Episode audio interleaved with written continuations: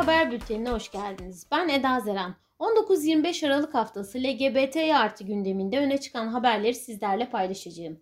Güzel bir haberle başlayalım. 2021'e sayılı günler kala Kaos GL Derneği LGBT artı temalı kartpostalları çevrim içi olarak okuyucularıyla paylaşıyor. Aslı Alpay'ın çizgileriyle 2021 kartpostallarını Kaos GL Derneği'nin web sayfasından indirebilirsiniz. Bu haftanın bir diğer güzel haberi Türk Tıp Öğrencileri Birliği'nden geldi.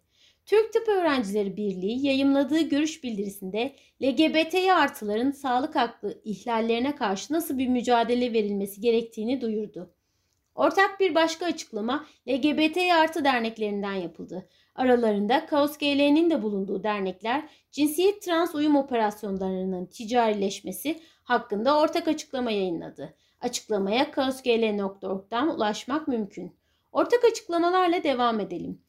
Kitle imha silahlarının yayılmasının finansmanının önlenmesine ilişkin kanun teklifinin anayasaya ve örgütlenme özgürlüğüne aykırı olmasından hareketle insan hakları örgütleri ortak bir açıklama yaptı.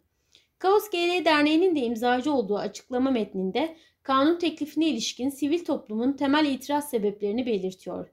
Metin, tekliften dernekler, vakıflar ve yardım toplamı ile ilgili maddelerin geri çekilmesini, sosyal tarafların görüşleri alınmadan bu tarz tekliflerin yapılmamasını talep ediyor.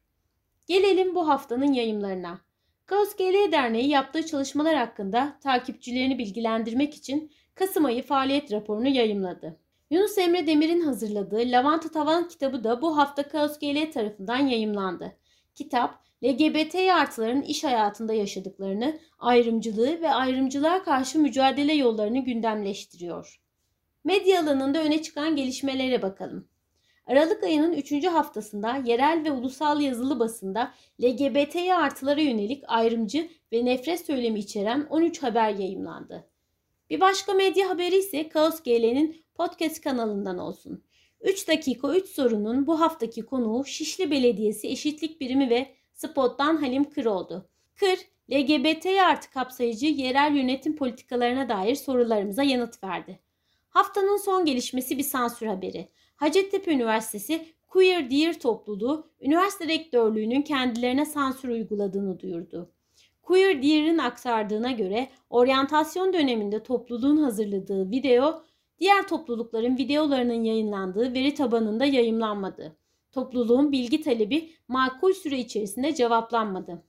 Avukatın Kültür İşleri Müdürlüğü ile iletişime geçmesinin ardından okul yönetimi 2017 ve 2018 yıllarında Ankara Valiliği tarafından Emniyet Müdürlüğü'ne ilettiği yazı ile haberdar olunan ve mahkemenin hukuka aykırı bularak iptal ettiği süresiz LGBTİ etkinlik yasaklarını gerekçe gösterdi.